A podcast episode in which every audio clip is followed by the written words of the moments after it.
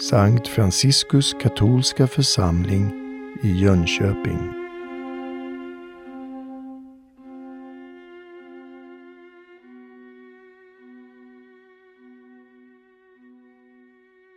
Har lidandet någon värde? Har det någon mening? Ja, det är en av de stora frågorna naturligtvis för mänskligheten. Och kyrkan vill på något sätt besvara detta på en dag som denna. Vi firade upphöjelsen av det heliga korset. Vi vet att genom att se på Kristus, se på honom med tro, hopp och kärlek, som vi vinner botemedel för all den ondska, för det giftet som världen har förgiftat oss med. Och det vi får genom arvsynden. Vi får botemedel genom dopet, men vi vet att gång på gång genom den öken vi vandrar igenom till vår definitiva frälsning, så finns det mycket som kan förstöra oss, som kan skada oss. Precis som för israeliterna när de gick ökenvandringen. Och ibland så blir vi stungna riktigt av fienden, av ormen.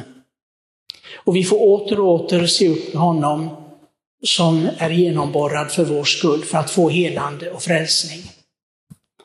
Men kyrkan vill även se på Guds moder Maria som har delat sonens lidanden, och det förstår vi. Alla föräldrar som får dela sina barns lidande så är det en stor smärta. Men det var på ett annat sätt, säger de heliga skribenterna. Och idag har kyrkan i Tidegärden, i läsningsgudstjänsten, använt den heliga Birgittas Sermo Angelicus för att tala om det stora lidandet. Och det var när begravningen skedde, när hon fick gå hem ensam, att lida utan Jesus. Ett lidande, säger Birgitta i denna Sermo Angelicus, som hon säger är dikterad av Herren själv, att det var att vara vid Herren, att offra sitt lidande tillsammans med honom, att få kraften att lida med honom. Och ett annat, när man lider utan honom. Och det är det svåra lidandet. Hur många människor lider inte på olika sätt utan Herren? De har inte Herren i sitt liv och ser därför bara meningslöshet i lidandet. Vad har det för uppgift? Även för många som är troende kan det bli en fara att vi ser meningslöshet i det vi går igenom. Men med Maria så förstår vi att det finns ingen meningslöshet i någonting. Allting, om vi säger ja, är ett uppfyllande av Faderns vilja och det är det det hela går ut på för oss troende människor. Att säga ja i varje ögonblick, oavsett om vi tycker det är någonting positivt eller om det är negativt. Men i Guds värld så finns ju ingenting som är bortkastat, och särskilt inte när vi lever det med tro. Tro, hopp och kärlek. Och Maria levde sitt liv på det viset. Så det blev inte bortkastat, även de grymmaste saker som hon fick gå igenom. Aposteln Paulus, han utvecklade så vackert när han säger, jag uppfyller med mina lidanden det som fattas i Kristi lidanden. Det kan tänkas vara lite förmätet att säga, fattas det någonting i Kristi lidanden? Ja, det gör det. Jesus har till exempel inte genomlidit någon svår sjukdom som cancer. Han har inte förlorat ett barn. Det finns många saker han inte har gått igenom. Men däremot har han offrat sitt liv helt och fullt. Och Paulus säger, mitt lidande, om jag ger det med tro till Gud, förenar det med Kristi lidande på korset, så har det ett oändligt värde, det har ett frälsningsvärde.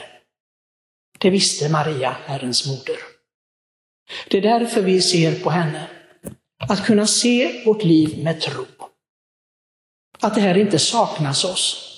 Och det är en stor frestelse. Vi vet att för folket som vandrade genom öknen så saknades tron många gånger.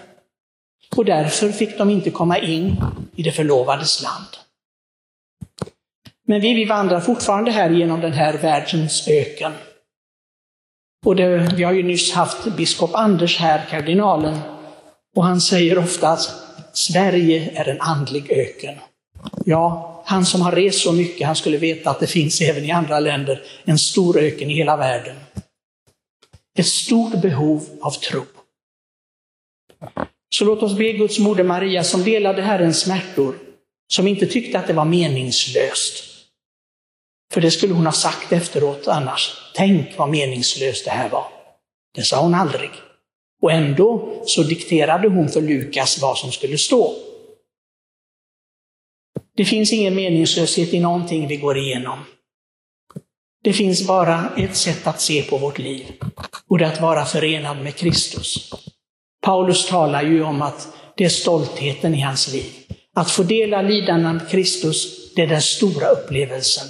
Det är den stora uppgiften han har.